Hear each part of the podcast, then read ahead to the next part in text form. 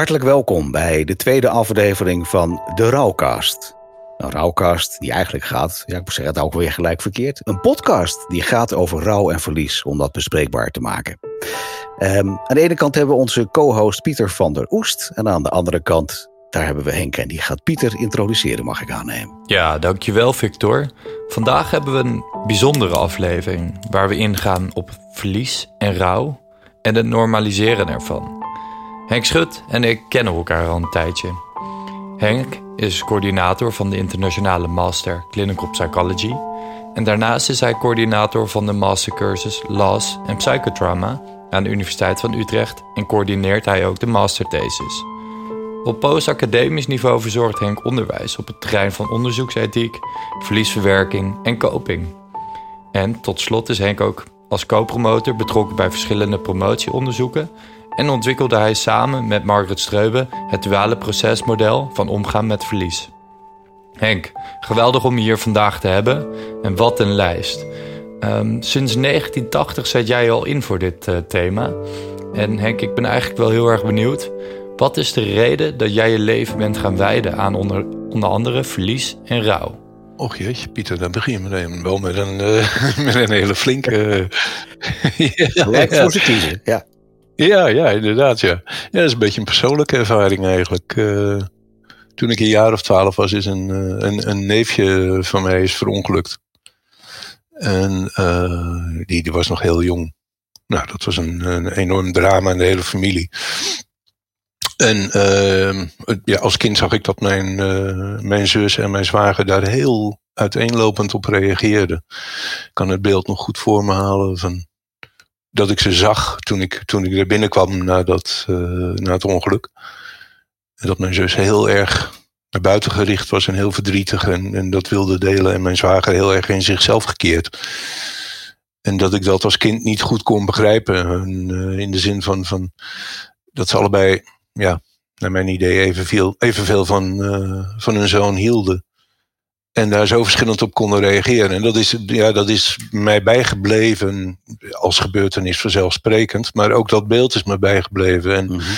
ja, tijdens mijn studie psychologie uh, kwam die vraag op een bepaald moment weer boven. En, en ja, en van het een kwam het andere in feite. Je, je houdt je dan met het onderwerp rouw bezig en ontdekt dat daar heel veel in te onderzoeken is en heel veel we menen te weten. Uh, en ik had het gevoel dat daar wel een, een heel boeiend terrein was. Vanuit die persoonlijke achtergrond, maar ook gewoon wetenschappelijk gezien en klinisch gezien.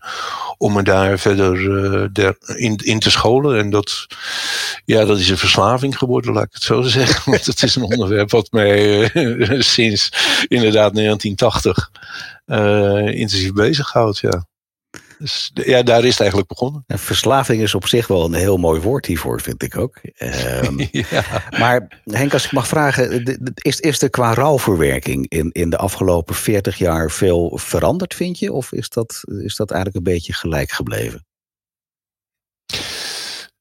Het, hangt een beetje vanaf wat, wat je daar precies mee bedoelt, Victor. Um, als, als, als je bedoelt, zijn de emoties veranderd? Nou, dan durf ik daar wel aan dat dat niet zozeer is. Het, het verdriet, het gemis, de eenzaamheid, de angst, uh, het verlaten voelen en dergelijke, dat zal niet meer of minder geworden zijn. Dat is gewoon heel massief aanwezig bij heel veel mensen. Als het gaat om, om hoe ga je met rouw om, uh, ja, dan is er wel veel veranderd. Uh, bekend is natuurlijk de secularisatie van de maatschappij, de ontkerkelijking die plaatsvindt. Uh, er zijn nieuwe tradities voor gekomen. Er is meer vrijheid gekomen in hoe je aan, aan rouwuiting kan geven. Uh, we hebben natuurlijk het internet gekregen, waardoor er ook daar een, een, een heel platform is ontstaan waar ook veel gebeurt op het gebied van verliesverwerking. Mm -hmm. er is meer bekend over rouw en daar, dat, dat heeft denk ik ook meer vrijheid gegeven aan mensen om daar op hun eigen manier invulling aan te geven. Het wordt, wordt wat uit die normerende en vaste paadjes die er vroeger waren, uh, is, is het wel wat, wat, wat losgekomen. Dat, dat heeft positieve effecten overigens, dat heeft ook negatieve effecten in de zin van je, je mist ook het, het vaste stramien wat je vroeger meer had. Hè? De, de, de kerkdienst stond vast. Eh, de heersmenheden, daar begon je mee. Ja. En, en tegenwoordig moet je kijken of je nou iets van Queen of, of van, van, van, van Stones wil, bij wijze van spreken. Mhm. Uh, maar voor een hoop mensen is dat, geeft dat toch meer, meer de mogelijkheid om, om zeg maar, aan datzelfde verdriet wat ze ervaren, toch op een andere manier uiting te geven. Dat, dat is wel degelijk heel erg veranderd, ja. Ja. Nou, nou is de reden waarom Pieter van der Oest eh, begonnen is met uh, Dearly en, en, en de reden waarom we ook met deze podcast-serie begonnen zijn, Mhm. is eigenlijk om, om rouw en verlies meer bespreekbaar te mogen maken. En uh, in een van de eerste afleveringen, ik ben zelf actief als trainer-coach en ik kom ook allerlei rouwverwerkingen op mijn eigen manier tegen, zeg maar.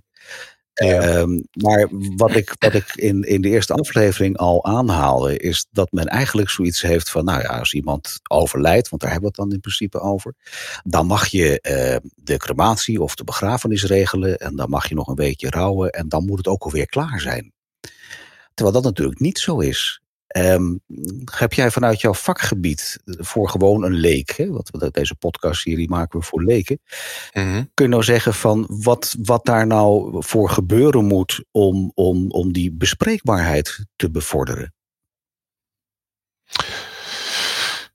Ja, uh, ja, ik zeg altijd maar, ik, ik geloof dat goede tijden, slechte tijden niet meer bestaat. Maar het zou mooi zijn als in dat soort programma's, dat daar het onderwerp op een, op een goede manier naar voren zou komen. En wat zou een goede uh, manier zijn dan? Nou ja, dat we de complexiteit ervan laten zien. Dat we ook de, de, de, de echte emoties ervan laten zien. Dat, we, dat het niet na aflevering 2 weer over is. Mm. Uh, dat het ook iets is wat, wat zelfs na jaren, op het moment dat je het niet, niet meer verwacht en denkt het min of meer afgesloten te hebben, dat het toch ineens weer naar boven kan komen. Doordat je ineens een liedje op de radio hoort. Of je loopt door de Kalverstraat en je ruikt ineens een geur waarvan je denkt van hé, hey, ja. wat was het?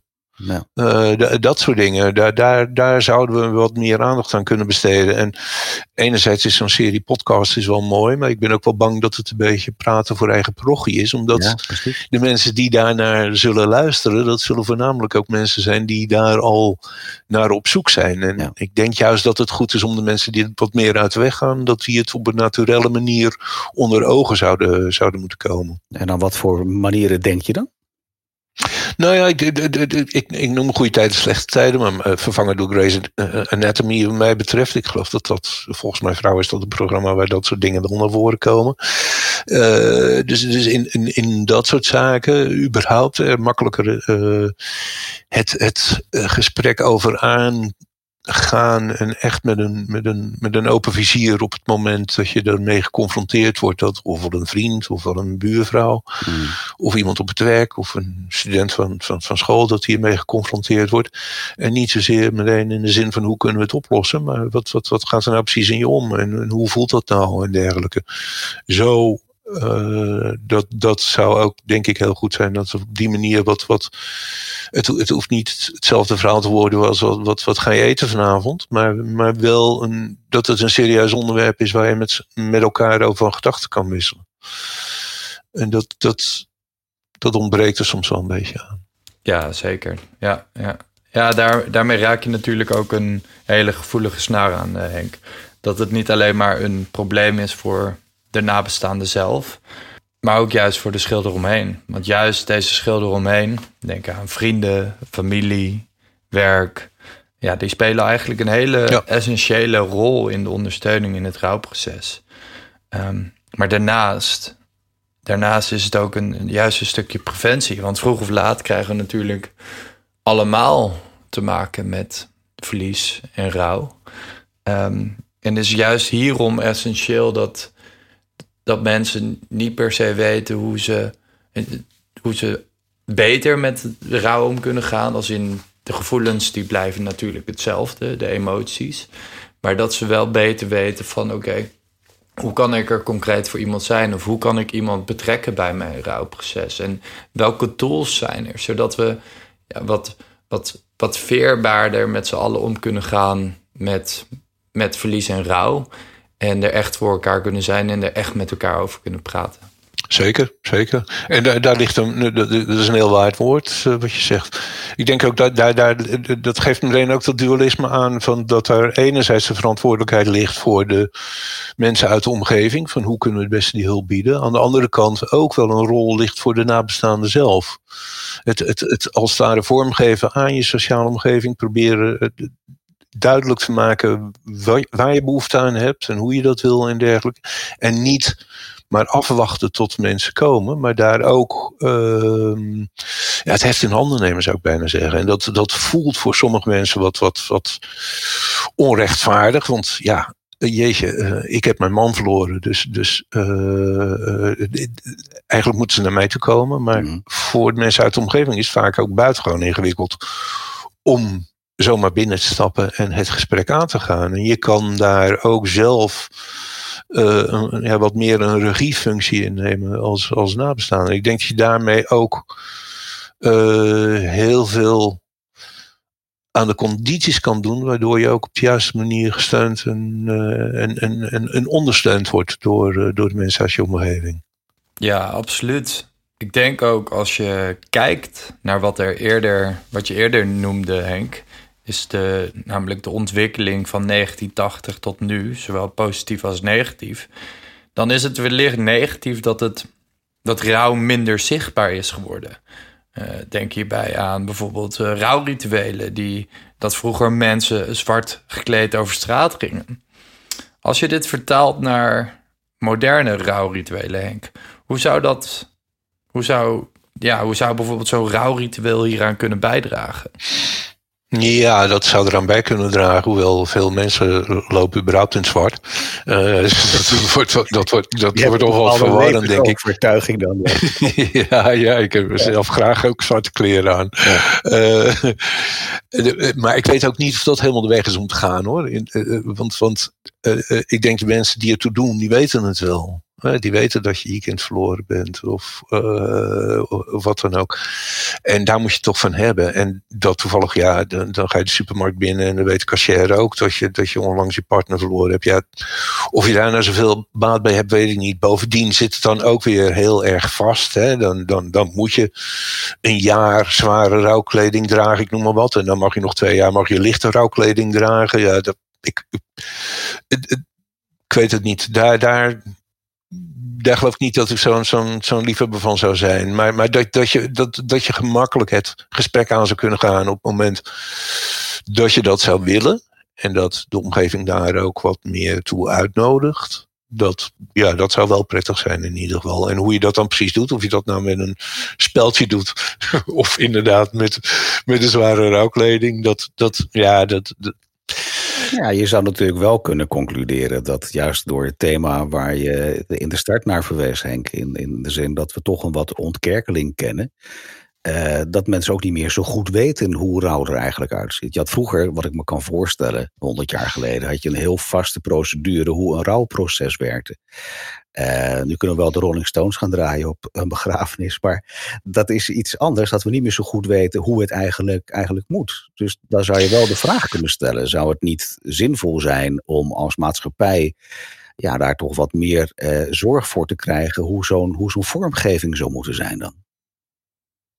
Nou, ik, ik, ik vraag me af of het, of het niet andersom zit, Victor. Dat we te veel denken dat we het weten. Eerlijk gezegd. En dat we daardoor veel te gemakkelijk al in, in, in patronen denken. Uh, en, en ook al heel snel met het idee komen dat we oplossingen moeten aanleveren voor mensen die, die, uh, die, het, die het moeilijk hebben. Hè? Want, want laten we wel wezen, ik bedoel, als je, als je net je, je, een, nou, een dierbare, een dierbare verloren hebt, dan is dat, dan, uh, ja, dat is, dat, is, dat is op alle fronten is dat heel zwaar en heel moeilijk en pijnlijk uh, natuurlijk. En, en we hebben als mensen uit de omgeving, hebben toch de neiging om, om ja, dan te proberen dat op te lossen. Ja. Het moet eigenlijk over zijn. En, en uh, de, het vervelende van rouw is, dat is nog helemaal niet zo over. Sterker nog, ik denk ook dat, dat uh, het, het mooi zou zijn als we het een beetje anders zouden beschouwen. Als, als uh, rouw nou echt als een daad van liefde beschouwen, dan zie je het ineens al in een heel andere context of zo. Dan is het niet alleen iets pijnlijks, maar dan is het ook iets wat je eigenlijk misschien wel niet helemaal zou willen missen. En wat je misschien wel hoopt dat het gestaag afneemt en zijn plek vindt, maar dat is dan toch wat anders. En, en, en in dat proberen te helpen, van de omgeving, maar ook in het proberen grip te krijgen door nabestaanden zelf, zie je soms dat, er, ja, dat mensen vastklampen aan zaken waarvan ik denk, ja, dat vind ik heel twijfelachtig. Om, om even een voorbeeld te geven, maar met het hele denken in termen van rouw, in termen van fasen bijvoorbeeld, waarvan we gewoon weten dat dat, dat feitelijk eigenlijk gewoon niet bestaat. Dat, dat, is, dat is iets wat we eigenlijk ook kunnen constateren. Niettemin, er zijn vreselijk adepten van uh, fasemodellen uh, die, die, die, die ooit in de jaren zestig door, door, van de vorige eeuw door, door uh, Elisabeth Kubler-Ross met de beste bedoelingen overigens ontwikkeld zijn, maar die, die eigenlijk een wat een norm, normatief karakter hebben gekregen in de loop der tijd. Het is niet zo dat je kan een fase van boosheid doorgaan. Nee, je moet een fase van boosheid doorgaan. Ja. En als dat niet zo is, dan, ja, dan zit het eigenlijk niet goed met je verwerkingsproces. Ja.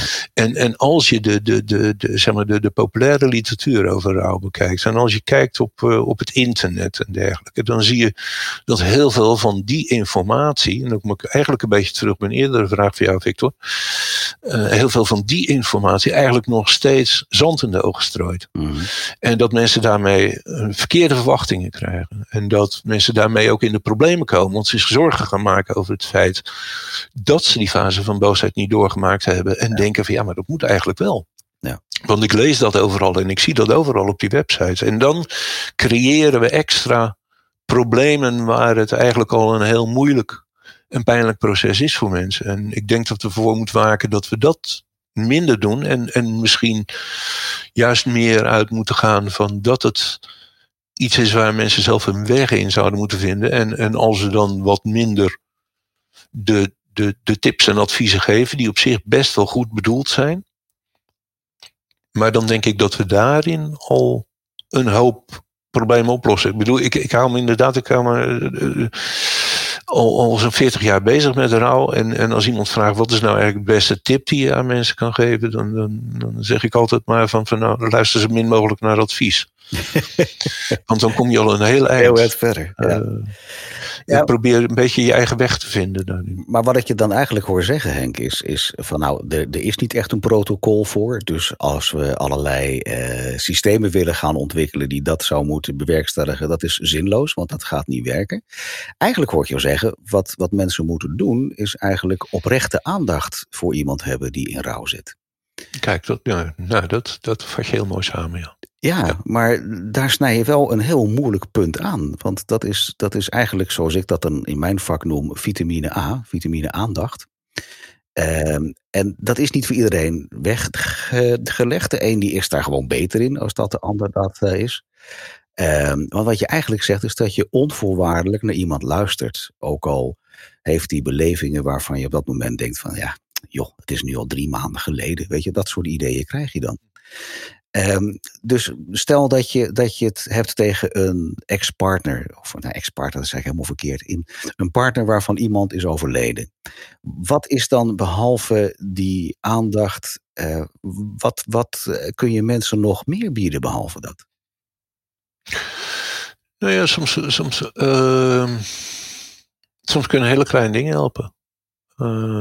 Even een pannetje soep brengen. Of, of gewoon even vragen hoe is het nou? Gaat het een beetje? Ja. Of uh, helpen die lamp te vervangen die kapot is. Uh, erbij, uh, ook, ook dat soort dingen. Ik bedoel, rouw is niet zoiets wat het totale leven over, om, overneemt. Er kan nog steeds een koffiezetapparaat kapot gaan. En dat kan heel vervelend zijn. En die kan je repareren bijvoorbeeld. Hè. Dus, dus het hoeft niet allemaal gefocust te zijn op dat verlies zelf. En dat wil eigenlijk om toch veel te kunnen doen. moet zorgen dat mensen er, er nog bij blijven horen. Want dat hoort je dan eigenlijk zeggen. Ja, ja, ja. ja, precies. Het zijn geen melaatsen of zo. En, en zo moeten ze zichzelf niet beschouwen, maar zo moeten ook de omgeving ze niet gaan beschouwen. En, en, en ook niet alle ogen op kwatta. Ik denk ook dat het belangrijk is dat iemand gewoon. Uh, op Dat we ons bewust zijn van het feit dat, dat het in het volle leven plaatsvindt. En dat, dat ook al is je partner overleden, je moet nog steeds zorgen dat je kinderen naar school gaan. Mhm. En dat kan best een hele opgave zijn. Als je hoofd daar helemaal niet naar staat. Als je kinderen ook wat opstandig worden omdat die ook, ook afreageren en dergelijke. dan zijn dat ook zaken waar je voor moet zorgen. En, en daar kan je misschien ook wel hulp bij gebruiken. Mhm. Ja, Ja, precies. Dus dat we eigenlijk te maken hebben met dat je concrete hulp kan aanbieden aan iemand, zonder dat je daarmee de verwachting hebt diegene zijn problemen op te lossen. Want jij bent immers niet degene die het probleem kan oplossen. Want zoals je net al zei, Henk, is, is eigenlijk zijn de gevoelens die je hebt, die bij rouw omhoog komen, zijn het resultaat van de liefde. Precies. Je mist iemand zo intens dat, dat, dat de pijn doet. Eh, de achterkant van, van de rouw is liefde. Dus het is ook heel normaal om dat, Nee, om dat zo te voelen. Dus als we veel meer op deze manier gaan kijken naar eh, het niet proberen op te lossen, maar er gewoon echt voor iemand te zijn. Ja. Ja. Door bijvoorbeeld een luisterend oor te bieden, iets concreets aan te bieden. eh, dat zijn veel, ja, veel mooiere en betere stappen om te zetten eigenlijk. Ja, nee, het, het, het, het is inderdaad. eh, het, het, het, eh, nou ja, eh, over het algemeen natuurlijk als iemand, als iemand echt een dierbare verliest, dan, dan ja, alle emoties die, die, die, die razen door het hoofd en alle gedachten razen door het hoofd. En je bent eigenlijk je, je psychologische kompas een beetje kwijt. Je weet niet meer wat nou normaal is en wat niet normaal is. En eigenlijk is dat allemaal normaal in de zin van dat heel veel mensen dat doormaken. Dat, dat, eh, eh, dat neemt niet, niet weg dat je daar wel, wel zorgen over maakt. Eh, van, van, van, ben ik nou gek aan het worden? Dat, dat, is een, ja, dat is wat je heel veel mensen toch. Ja, het, wel kan ook mensen een ontzettend hoort eenzaam vragen. gevoel geven. hè. En, Ja. en, en vanuit die eenzaamheid, want dat hoor je eigenlijk, dat hoor je zeggen Henk, van, van nou, ik, ik zou het fijn vinden als daar letterlijk wat meer aandacht komt. Ehm, maar waarom zou het zijn dat wij als, als cultuur, als maatschappij, eh, het zo vreselijk lastig vinden om het over dood te hebben? Of over zwaar ziek zijn. Want eh, zelfs zwaar ziek zijn hè, hebben we al een probleem mee. Maar waarom vinden we dat nou zo lastig eigenlijk? Ja. Ja, ik, even af te vragen, Vinden we het echt zo lastig? Ehm, Ja, we ontwijken het gewoon. Ja, maar goed, maar het is, het, het, het, het, het is inderdaad, het is niet een onderwerp waar je makkelijk mee binnenkomt. Dat is waar. Ik, denk, ik, ik geloof wel dat je met, met, met veel mensen op het moment dat je er echt voor gaat zitten, goed het gesprek aan kan gaan hoor, over dat soort onderwerpen. Ja, maar in daar eerlijkheid. Maar dat je, als je ervoor gaat zitten. En dan, voor zover Ja. je kan inschatten, Henk, ben jij ook iemand die dat, die dat vrij makkelijk eh, kan. Eh, maar als ik eh, een beetje op Facebook ga kijken, dan hebben we allemaal een geweldig leven. En daar hoort dood, Mhm. do- dood niet echt bij. Je ziet niet iemand echt een heel rouwproces op Facebook doormaken. Nee, nee, nee dat, dat, dat is waar. Daar heb je gelijk in. Nou geloof ik eerlijk gezegd ook niet dat Facebook zo'n echte representatieve weergave is van, van, van het werkelijke leven. Eh, dus in dat opzicht eh, is vergelijkbaar met sluit dat allemaal slechte aan. tijden. Ja. ja, dus, maar, maar ik denk in, in, in het, het normale leven, in, denk ik dat, dat eh, op het moment dat je weet dat de buurman twee maanden geleden zijn vrouw verloren heeft. En hij zet de vuilnisbak buiten en jij loopt ook buiten om de vuilnisbak buiten te zetten. En eventjes vragen van, joh, eh, eh, gaat het een beetje met je? Eh, Hoe, hoe, hoe is het voor je? Dat, dat denk ik dat, we hoeven niet meteen hoeven de, de, de, de, de psycholoog uit te gaan hangen of wat dan ook. dat daar- is allemaal daar- niet nodig. Nee, maar Mensen daar is inderdaad- men wel vaak bang voor, denk ik. Men is bang voor, als ik die kliko ga buiten zetten, oh, dan klampt die buurvrouw me aan. Ik zie het, ik zie het voor me plaatsvinden. Wij vinden dat lastig als mensen.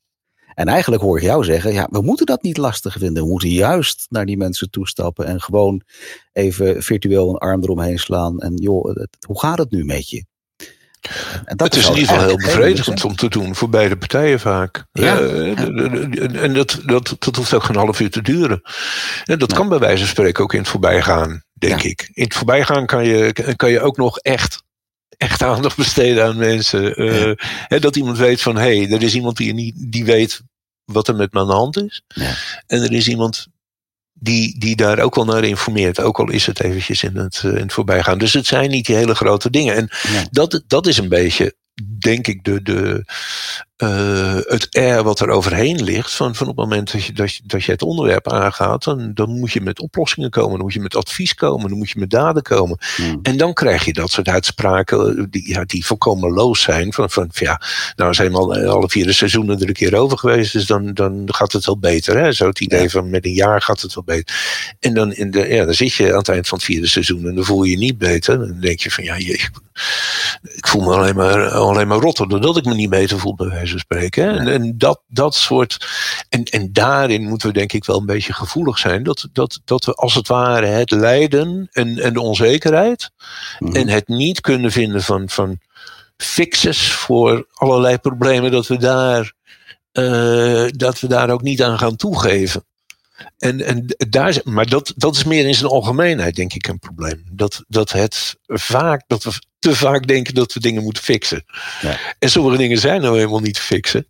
En, en dit is er wel eentje van. Want uh, kijk dan, wat, ik ook vaak naamstaande hoor zeggen van ja, wij kunnen het er wel over hebben, maar ik krijg mijn man er niet mee terug. Nee, precies. En dan denk ik van ja, nee, je hebt helemaal gelijk. Dat is, dat is, dat is absoluut, uh, dat, is, dat is waar. En daar zit grootste pijn, daar zit angel in het verdriet. En daar kan ik helemaal niks aan doen. Nee. En, en, maar dan moet ik dan ook vooral niet proberen daar wat aan te doen. En ik moet ook niet de gedachte hebben dat ik daar wat aan kan doen, want we komen allemaal van een koude kermis thuis. Ja. Maar, maar met een beetje bescheidenheid van, nou ja, nee, oké, dat kan ik niet, maar ik, ik kan misschien wel iets anders doen. Kunnen we toch een hoop. Dus, dus ja, misschien moeten we van, dat, van die grandeur af. Van uh, er is een probleem en ik kan eraan bijdragen dat ik het oplos.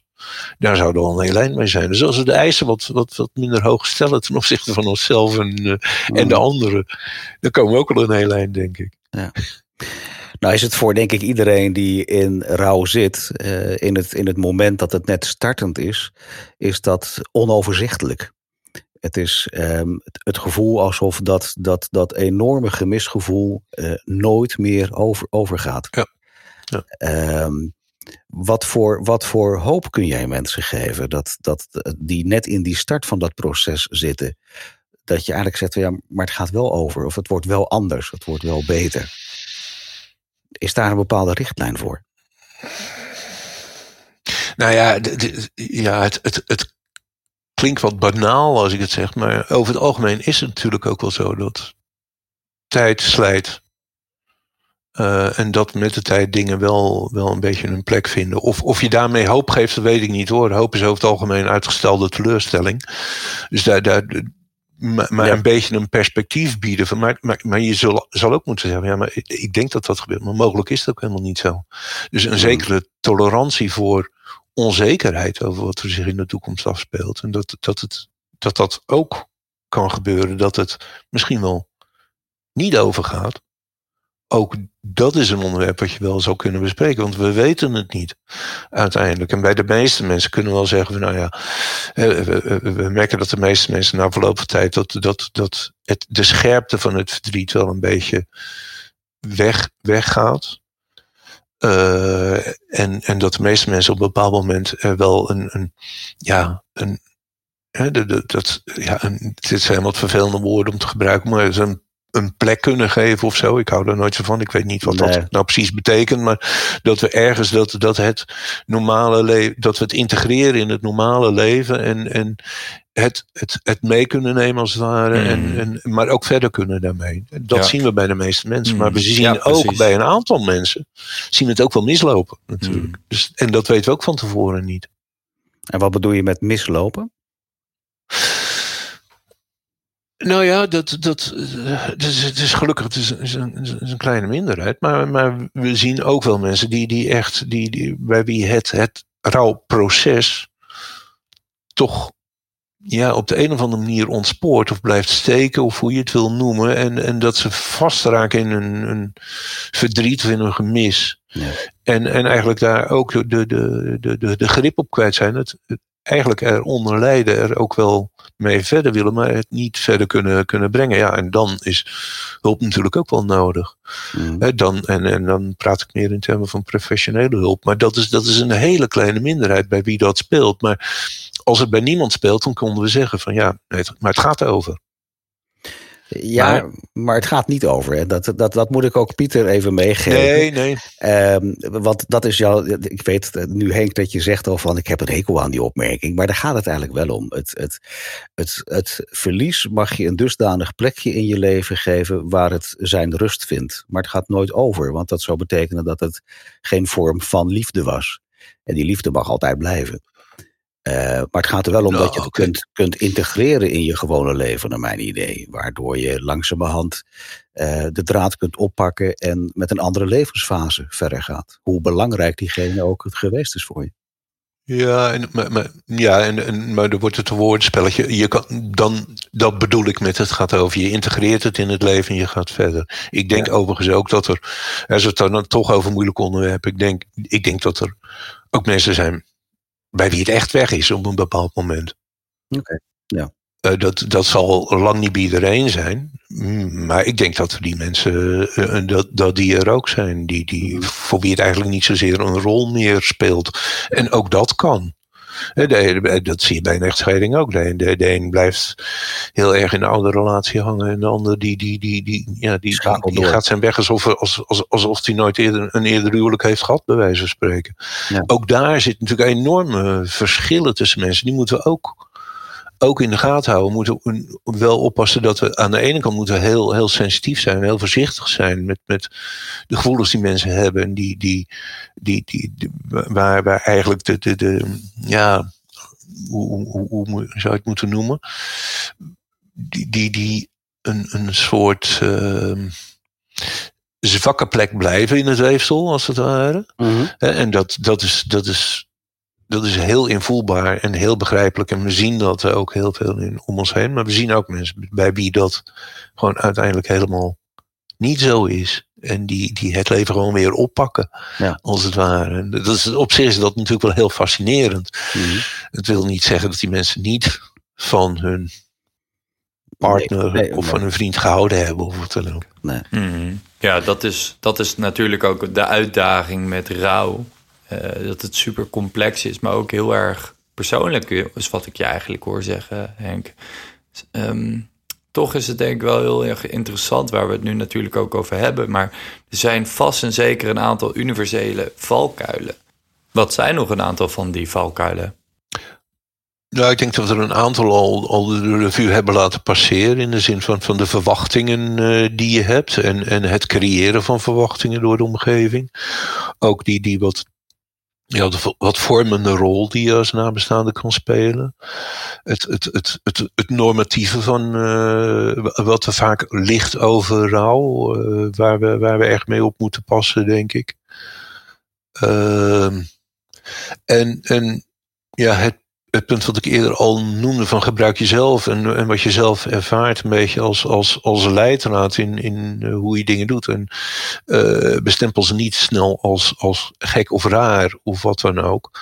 Mm. Als, als het voor jou de manier is om daar, uh, om, om er de vorm aan te geven, dan, dan kan dat helpen. En dat, dat, dat zijn soms heel atypische dingen. Toen mijn moeder overleed, heb ik voor drie jaar uh, heb ik s'avonds hout staan hakken de, de, de, de, avond daarop. Dat, dat was een heel aardige manier voor mij om, om, om, om eigenlijk, eigenlijk mijn gevoel in, in, in fysieke actie om te zetten. En, en, en bezweet aan het eind van de avond onder de douche stappen. En in ieder geval zo moeten zijn dat ik wel kon slapen. Mm -hmm. um, en, en, en, maar, maar, maar niemand zal bij houthakken aan rouw denken. Nee. behalve, behalve ik zelf. Behalve Henk dan. Ja, ja, precies. ja, ja, ja, geldt voor mij. Maar zo, zo zal een ander dat op het voetbalveld hebben wellicht. Ja. Uh, en, en iedereen heeft dat inderdaad op zijn eigen manier. En, en, en ja, beleef dat maar en zie maar of, het, of, dat, uh, of dat goed voelt uiteindelijk of niet. En als het niet zo is, dan ja, moet je het misschien de volgende keer weer niet doen. En, en daar ook niet bang zijn om, om ook, ook de, de, de pijn te voelen en de pijn, pijn te ervaren. En, en ik denk dat dat hele idee, hè, de, de grootste valkuil is denk ik dat fixen. En dat is een beetje de, ja, de maakbare samenleving waar we in zitten. En dat is ook wat, wat, wat, wat, wat Victor aangeeft met, met Facebook en dergelijke. Ja, dat, dat, dat is een, een gefixte wereld. Hè? Die, die, die, die, uh, alles, alles is mooi en klopt. En, en we zijn allemaal uh, lopen de marathon en winnen we hem ook nog bij wijze van spreken. En dat, dat, dat, dat straalt toch een beetje af. Of eigenlijk is die, die, die Facebook-wereld representeert dat wat we in de werkelijkheid misschien wel missen in dat opzicht. Ja. En, en, en gewoon het, het, het ondergaan van dingen, het accepteren van, van dat, dat soms het leven echt heel moeilijk is, zonder dat je er wat aan kan doen. Ja. En dat het misschien ook wel zin heeft. En, en je komt dan heel snel tegen een soort christelijk idee van het lijden uh, heeft, heeft zin of zo. Maar je kan dat los van, van, van welke levensbeschouwing ook, kun je, dat, kun je daar ook naar kijken. Mm -hmm. En dan, dan, dan is het meer een onderdeel van het leven geworden, denk ik. En daar, daar zouden we al heel veel baat bij hebben als we het meer zo zouden beschouwen. Er zijn overigens daarin ook andere culturen hè, die dat ook anders oppakken. Ja. Uh, ja. Ik denk aan Mexico, daar, daar hebben ze geloof ik een dode verering, waar ze hele barbecuefeesten geven op de begraafplaats, wat zij uh, een, een hele andere invulling aan rouw geven dan. Ja, de, de, de, um, ik weet niet of, of de rouw ook weer anders is. Hè? Als ik de rouw, dat, dat, dat zie ik toch een beetje het interne proces van de, de, de emoties, de gedachten die je hebt, het gedrag wat je, wat je doet om uiting te geven aan die emoties, de fysiologie als het ware. En, en die schil eromheen, die, die, die meer maatschappelijke schil eromheen, ja, die, die, die, die verschilt daarin heel erg. Ja. Ik, ik vraag me af of een Mexicaan minder eenzaam is als zijn vrouw overleden is. Nee, dat verwacht ik dat, ook niet. Nee. Dat verwacht ik inderdaad niet. Nee. Nee. nee. Maar de uitingsvormen zijn wel totaal anders, ja. ja. Ja. Ja, ik verwacht ook niet dat de pijn, het gemis anders zal zijn. Maar het culturele, het maatschappelijke proces zou wel kunnen bijdragen aan het interne proces. Dat jij je bijvoorbeeld hierdoor gezien en begrepen voelt door je omgeving. Ja, mogelijk. Mogelijk. Um, durf daar niet al te stevige uitspraken over te doen. Ik, ik, ik, ik, ik kan soms ook wel met, met, met enige jaloezie kijken naar, naar, naar hoe dat in andere culturen gaat en denken van dat zouden we hier ook moeten hebben. Terwijl ik dan anderzijds probeer ik dan hier eens eventjes in te plempen als het ware. En dan denk ik van ja, het, het, zou volkomen detoneren. En uh, de, we zouden er gek van opkijken als we dat zouden doen. En omgekeerd ook. Dus het, ik, ik vind juist ook wel mooi dat die diversiteit er is. En dat, dat, dat die, die, die culturele bepaaldheid van, van hoe we omgaan met, met, met verdriet en met angst en met rouw en dergelijke. Dat zo, zo, zo mooi gevarieerd is. En, en, en daar waar we er wat van kunnen leren, moeten we dat ook zeker doen. En ik denk dat dat ook meer en meer gebeurt. Uh, en, en dat het ook aanzet om na te denken over, ja, jeetje, wij doen dat zo. En dat, maar, maar misschien kan dat wel op een heel andere manier. En dat je dan misschien wel een vertaling kan maken. En dat, dat zie je natuurlijk ook in, in nou, als, we zijn bij, een beetje bij het begin uh, terug. Dat je in, in die afgelopen 40 jaar met die globalisering van de wereld zie je natuurlijk ook dat dat, dat soort dingen ook veel meer onder de aandacht komen van mensen. En, en, en dat mensen ook wel uh, daar, daar inspiratie uithalen over hoe ze dat zelf zouden kunnen of moeten doen. En dat, dat vind ik eigenlijk wel een heel mooie vorm van, ja, van, van, van, van uh, integratie als het ware. Die, die, eh, die, die volgens mij echt op het betekenisniveau zit van, van, van hoe mensen leven en hoe, hoe de, de, de, de psyche functioneert. Ik vind dat heel waardevol, ja. Ja. Ik eh, hoor je zeggen, Henk, dat er eigenlijk een, een enorm persoonlijk aspect in zit hoe mensen met rouw omgaan in zijn algemeenheid. Uh, we benoemen net het culturele gedeelte ook, waarin je dat mag laten zien of juist niet mag laten zien, wat weinig verandert aan de intrinsieke beleving van rouw. Um, mag je anderzijds misschien ook stellen dat er, dat er dan toch ook wel weer een verschil zit over wat voor verbinding je met, met, met diegene gehad hebt. Ik bedoel, het, het kan een verschil zijn. Mijn moeder is onlangs overleden, een paar maanden terug. Uh, die was 93, dementerend.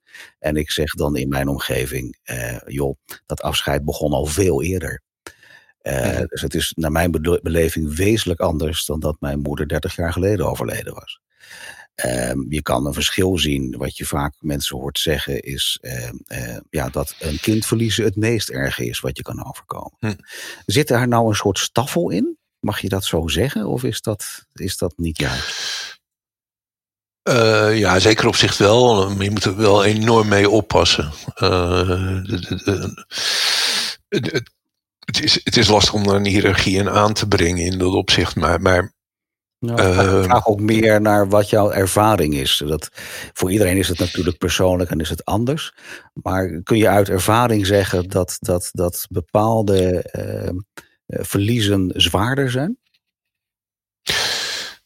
Ja, als je heel algemeen spreekt wel. Hè, dan, dan, maar ik, ik stoot meteen mensen voor het hoofd op het moment dat ik het uitspreek. Maar zo'n soort, soort, een, soort algemene regel. Je zegt, van, ja, als, je, als, je, als je je ouders verliest, dan verlies je je, je verleden. Als je je partner verliest, dan verlies je heden. En als je kind verliest, verlies je je toekomst. En daar, daar, daar, daar steekt iets in van, van, van de impact, zeg maar. Een mooie uitspraak. Anderzijds, ja, sprak ik een paar weken geleden sprak ik een student uh, wie er opa was overleden. En, ja. en uh, die, die was ook in de negentig. En ze was er enorm van ontdaan en, en, en, en vreselijk verdrietig. En, en had voor zichzelf zoiets van, ja, maar maar, mijn opa was toch in de negentig en, en hij heeft een goed leven gehad en dergelijke.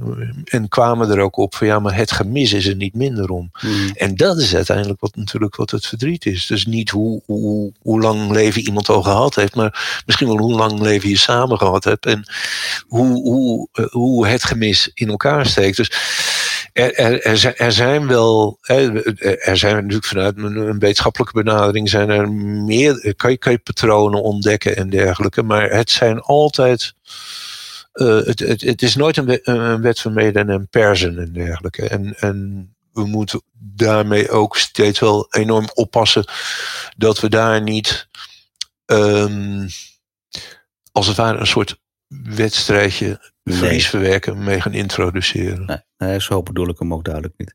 Nee, nee, nee, nee dat, dat, zo vat ik hem ook niet op hoor. Maar ik, ik kom via jouw vraag daar wel op uit, ja. Er zit natuurlijk altijd een soort egocentrisch aspect in. Hè? Van, van als iemand er niet meer is, dan mis ik diegene. Dus er ja. zit een heel egocentrisch aspect aan, eigenlijk. Um, ja. Ja, dat wou ik even. even ja. ja, want ik kom in, in mijn praktijk. Uh, chargeer het ook mensen tegen die volkomen overstuur zijn. omdat hun hamster is overleden. En dan denk ik, ja, nou ja, er zijn ergere dingen op de wereld. En de hamster wordt niet ouder dan drie. Um, we zeiden het ervoor al even over uh, uh, dat er ook parallellen te trekken zouden zijn uh, met echtscheidingen. Is dat ook echt zo? Zit je, kun, kun, je, kun je enorm in de rouw zijn van een echtscheiding? Ja, het is me net hoe breed je definieert. Uh, dat, dat, uh, als, als rouw een verwerkingsproces is, in de meest brede zin van het woord, ja, dan heb je dat inderdaad ook na een echtscheiding. Uh, maar heb je dat ook bij een ernstige ziekte waarbij je functies verliest, of heb je het bij, na het verlies van een baan en dergelijke. Dus je, ja, kan, dat, je kan dat perspectief daar zeker op loslaten. En ja. daar zijn ook parallellen. er zijn ook verschillen natuurlijk, maar er zijn zeker ook parallellen te trekken. Ja. Uh, dus je, je kan dat breder nemen. Hè. Dan, nou ja, je, je noemde zojuist even de hamster, maar met het overlijden van, van een, een huisdier, hè, het over totaal andere relaties, zou, uh, uh, kan ook zijn impact hebben op mensen. dus dus ja, het, is, het is maar net hoe breed je het wil bekijken en dat, dat daar parallellen en vergelijkingen in te trekken zijn. Mm. Dat, dat is zonder meer het geval. Maar dat er ook heel specifieke verschillen in zijn. Die, die heel uh, uniek zijn voor, voor, uh, voor de dood van een dierbare. Die, die zijn natuurlijk ook onmiskenbaar. Ja. ja. Mooi. In de start van dit interview, Henk, uh, liet jij je ontvallen, en dat was geloof ik naar de introductie van Pieter, over een duaal procesmodel. Nou, voor de mensen die de podcast nu uitgeluisterd hebben, wat is dat?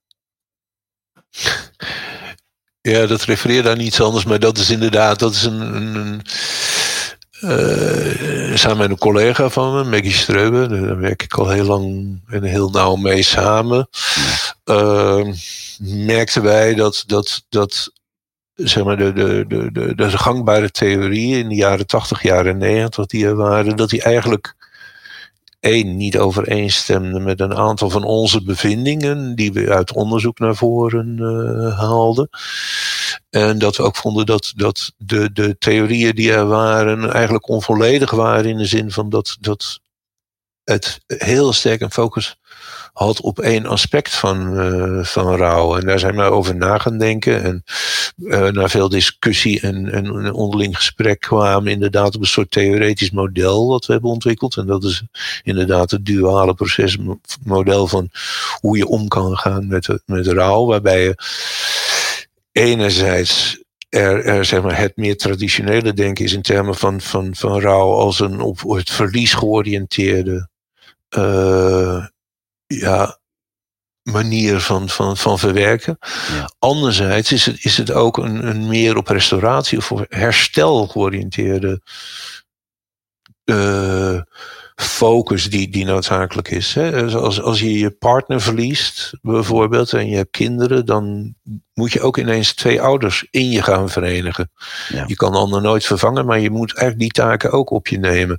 En dat is iets wat zich ook wat, wat een consequentie is van het overlijden van je partner. Ja. Uh, maar wat, wat wel direct op, de, op, op meer op, op de, het, het, het herstellen van een nieuwe, een nieuwe ordening als het ware gericht is. Nou, die, die, die, die twee uh, sferen uh, hebben we dan beschreven. En, en, en daarin, en dat is heel cruciaal daarin, is dat er een soort heen en weer schieten psych, psychisch gezien dan heen en weer schieten tussen die twee focussen is. Uh, dat, ja. dat, je, je kan bij wijze van spreken, je, je, je, je bent uh, bezig met, met het plakken van een fietsband, ik noem maar eventjes een dwarsstraat of zo. En, en uh, ineens raak je die rubberlucht en die herinnert je aan je, aan je overleden man op de een of andere ja. vreemde manier. En, en ineens zit je weer in het verdriet. Terwijl je eigenlijk bezig, gewoon bezig bent de, de, de fietsband van je kind te plakken omdat hij naar school moet. Ja. Nou, die, die, die, dat, dat hele proces waarmee eigenlijk de focus een beetje afgaat van alleen maar dat bezig zijn met het verlies zelf, maar ook met die andere kant. Mm -hmm. Dat vonden wij meer in overeenstemming met, met, met uh, de, de, de, de, de bevinding die we hadden in ons onderzoek. Waarbij je bijvoorbeeld enorme verschillen vindt. Vond toen de tijd in ieder geval. Tussen mannen en vrouwen bijvoorbeeld. Maar ook dat, dat, dat er, er meer is dan alleen maar dat, dat die, die, die wat nauwe focus. En dat, ja, dat hebben we toen een keer op papier gezet. En dat hebben gepubliceerd. En dat, dat bleek te resoneren uh, in de zin van dat er uh, dat dat uh, eigenlijk tot onze eigen verbazing, maar dat daar veel uh, onderzoekers, maar ook veel, veel mensen die, die in de hulpverlening bezig waren, dat die, dat die daar hun weg mee konden vinden. En, en, ja. en dat uh, ook, ook veel nabestaanden daar wel baat bij hebben. In de zin van dat het een soort, enerzijds een soort structuur biedt. Een beetje ordening in de chaos. Ja. Anderzijds dat er eigenlijk niets normerends in zit. Uh, in het geheel. En, en ja, dat, dat spreekt aan. Het is wel een beetje tegenstrijdig dat er aan de ene kant een model is, maar het, het uh, past niet altijd, zeg maar. Uh, nee, ik denk, maar, maar, dat is denk ik ook uh, eigenlijk precies de kern van een model. Ja. Een, een, een, model van een auto is ook geen auto. En, en ik, ik, zeg altijd maar, de, de, de, de, kaart is niet het land. Hm. En, en, en, en dit, dit is ook een model waarvan we zeggen van nou ja, zo presenteren we het ook altijd. Van, van het, het, het, het, het, misschien geeft het handvatten. Als dat zo is, dan heb je er misschien wat aan. En als dat niet zo is, dan moet je het vooral ook terzijde schuiven. En uh, we, hebben, we, we, hebben er niks zendelingsachtigs mee. Uh, dus, dus we propageren het ook niet. Maar we zien dat mensen het oppakken en ermee aan de slag gaan. En ook in, in, nou, in in, in onderzoek is dat gebeurd. Dat hebben we zelf niet gedaan. Want je moet je eigen theorie niet proberen te bevestigen, want daar ben je te bevooroordeeld voor. Maar dat hebben anderen gedaan. En nou, dat heeft nog wel tot, tot, tot, tot nuanceringen en tweaks in het, in het model geleid. Maar uh, belangrijke delen ervan zijn, zijn ook inderdaad wel empirisch ondersteund. Dus dat, dat, ja, dat is in, in, in een twintig jaar tijd is dat, uh, is, is dat groter gegroeid dan wij dat ooit bedoeld hadden in ieder geval. Ja, ja, ja. Okay. Um, dan hoorde ik je net ook zeggen dat er, dat er wellicht ook een verschil is in rouwverwerking tussen mannen en vrouwen. Is dat ook zo? Of is dat wat ik verkeerd begrepen heb net? Nee, nee, dat, dat, dat zei ik inderdaad. Ja, je moet er altijd wel enorm mee oppassen, want voor je het weet uh, gaan ze tomaten naar je gooien natuurlijk.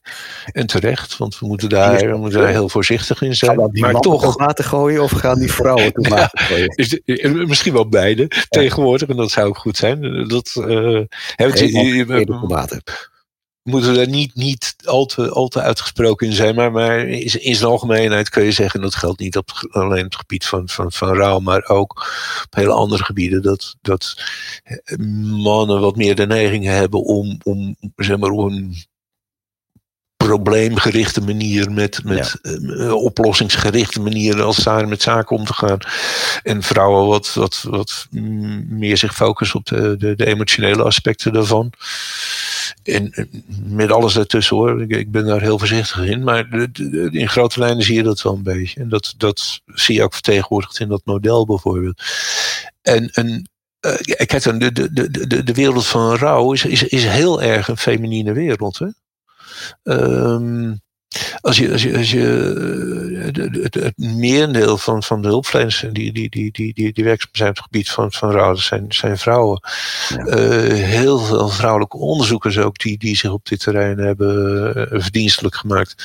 En als, als we even kijken naar, naar nou ja, bijvoorbeeld het, het, het, aantal huwelijken wat, wat, wat eindigt met de dood van een van de, van de partners, dan is dat in driekwart van de gevallen is de vrouw die achterblijft. Ja. Dus het zijn ook vrouwen die er veel meer mee geconfronteerd worden. Dus het, dat heeft het allemaal een beetje een, een, een, een, een feminien laagje gegeven. En met, met wat weinig aandacht voor zeg maar de rol van, van mannen, of, of eigenlijk hoe, hoe, mannen omgaan met rouwen. Wat je op hmm. andere terreinen juist omgekeerd ziet. Dus het gaat om hart- en vaatziekten, gaat altijd over mannen.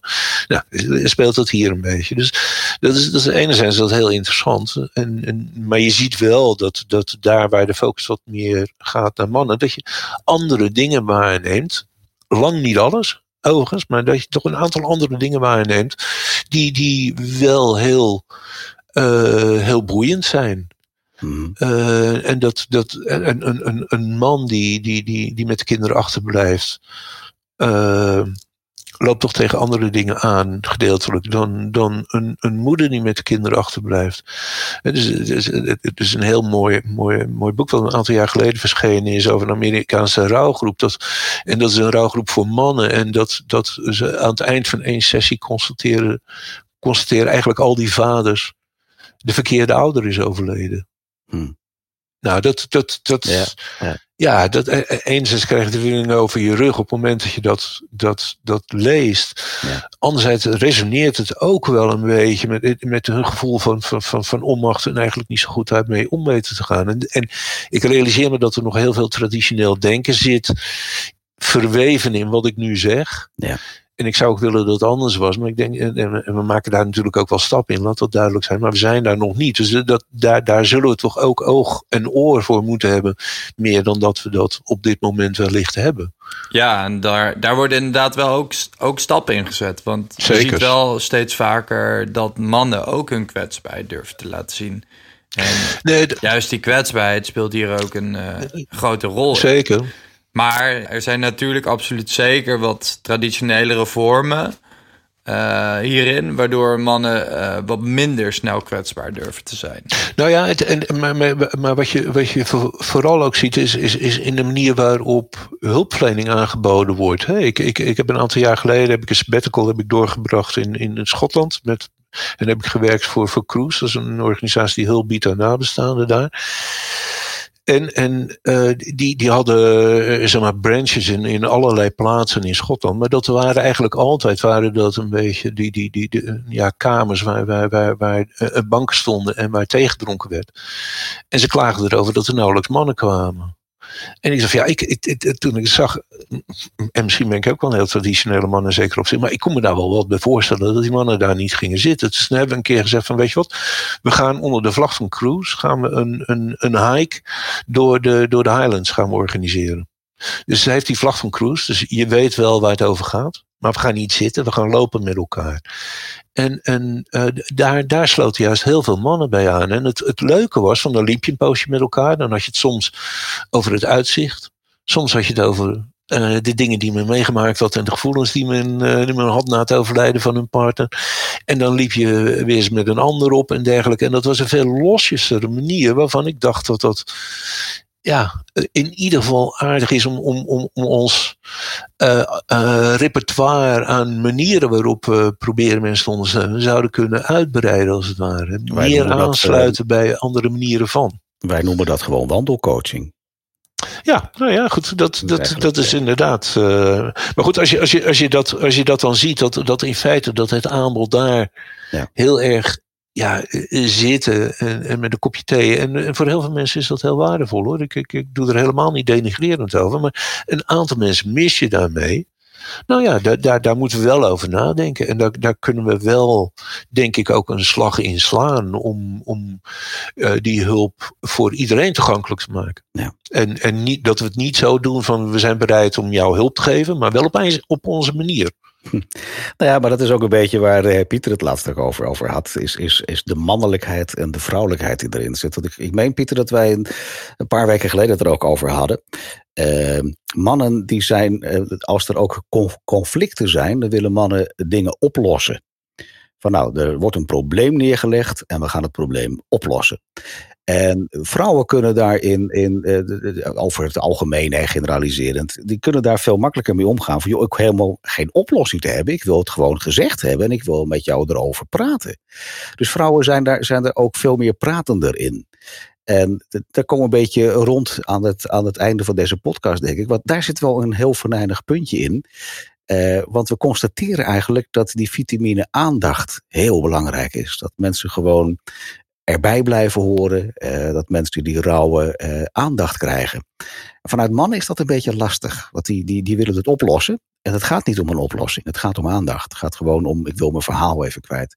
Ik wil even delen met je hoe ik mij nu voel. Daar gaat het toch om? Doodse stilte. Ja, ik denk dat we inderdaad wel moeten uitkijken met die scheiding tussen man en vrouw. Want dan generaliseren we echt te veel. Ja. Um, want er zijn ook voldoende mensen die er wel over kunnen praten. En andersom zijn er ook voldoende vrouwen die er totaal niet over kunnen praten. Precies. Dus ik denk dat we daar inderdaad wel van weg willen blijven. Maar als je het hebt over de vitamine aandacht, ja, absoluut. Ik denk dat het ook een hele mooie afsluiter is. Dat we het, het namelijk heel erg mooi hebben gehad over rouw, de valkuilen, um, waar we tegenaan lopen.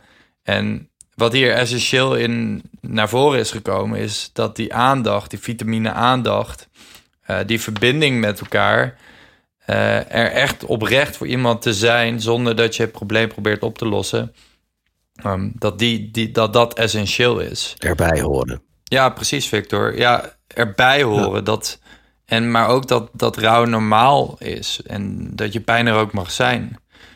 Uh, de, daarnaast denk ik, ik durf ook absoluut te zeggen dat wij daar ook een, een, gedeelde missie in hebben. Namelijk het normaliseren van verlies en rouw. Iets waar jij natuurlijk sinds 1980 al, uh, al mee bezig bent. Ik wat recenter, nou, nu uh, twee jaar ongeveer.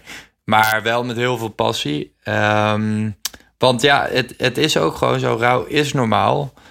En het mag er absoluut zijn. En daarin is het vooral heel erg belangrijk om, wat ik zelf ook heb ervaren, is het, wees er gewoon voor elkaar en probeer het niet op te lossen. Want je kan het niet oplossen. Je haalt, dat verdriet wil je eigenlijk ook niet weghalen of de pijn. Um, en geef vooral ook elkaar ruimte daarin. Um, ik vind het een mooie afsluiting. Ja. ja. Uh, mag ik nog één, één, één eh, laatste vraag aan Henk stellen? Henk, jij zei in, in de start ergens van ja, dit, deze podcast hier die is natuurlijk ook een beetje spreken voor eigen parochie. En daar ben ik met je eens. Uh, anders aan deze mensen die luisteren. Maar kunnen, kunnen we nog iets anders doen dan? Dat, dat, dat we juist de mensen bereiken die, die um, ja, die er wat zijdelings mee te maken hebben, die een, een, buurman hebben die, die zijn vrouw is overleden. Uh, hoe, hoe kunnen we daar dan bij komen? Hoe kunnen we bij die mensen komen? Uh, ja, daar stel je wel een hele moeilijke vraag, Victor. Dat, dat, uh, ik zou willen dat ik het antwoord daarop weet, enerzijds. Ik, ik, Ehm, ik denk anderzijds. Ja, wat denk ik anderzijds? Nee, ik weet het, ik weet het antwoord niet Nee. goed op die vraag. Ik denk van ver, als, als mensen er niet in geïnteresseerd zijn, dan gaan ze er ook niet naar kijken. En dan gaan ze er ook niet naar op zoek. Eh, ik bedoel, en dat, dat misschien moeten we ook hè, in, in, in de jungle kunnen de aap in de, in, in, in, de, in de bomen klimmen. Maar de olifanten moeten we dat niet proberen ook te leren, want dat lukt niet. Nee. En, en misschien moeten we dat gewoon ook maar accepteren, dat die wereld er is. Ja, dat is zoals het En, dat er, en die diversiteit is misschien eigenlijk ook wel weer heel mooi.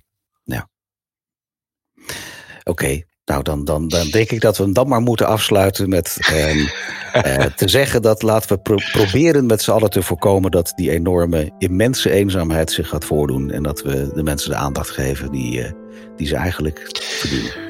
Dat is een heel waar woord. Ja. Ja, zeker. Mooi, Victor.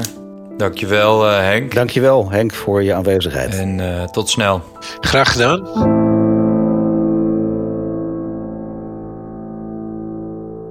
Dankjewel voor het luisteren naar deze podcast. Om deze kostendekkend te kunnen blijven maken, zijn wij afhankelijk van sponsoren en donateurs. Doe je mee? Want als we verder willen groeien, en dat willen we, dan hebben we jouw steun hard nodig. Word donateur van De Praatkast met gesprekken die ertoe doen.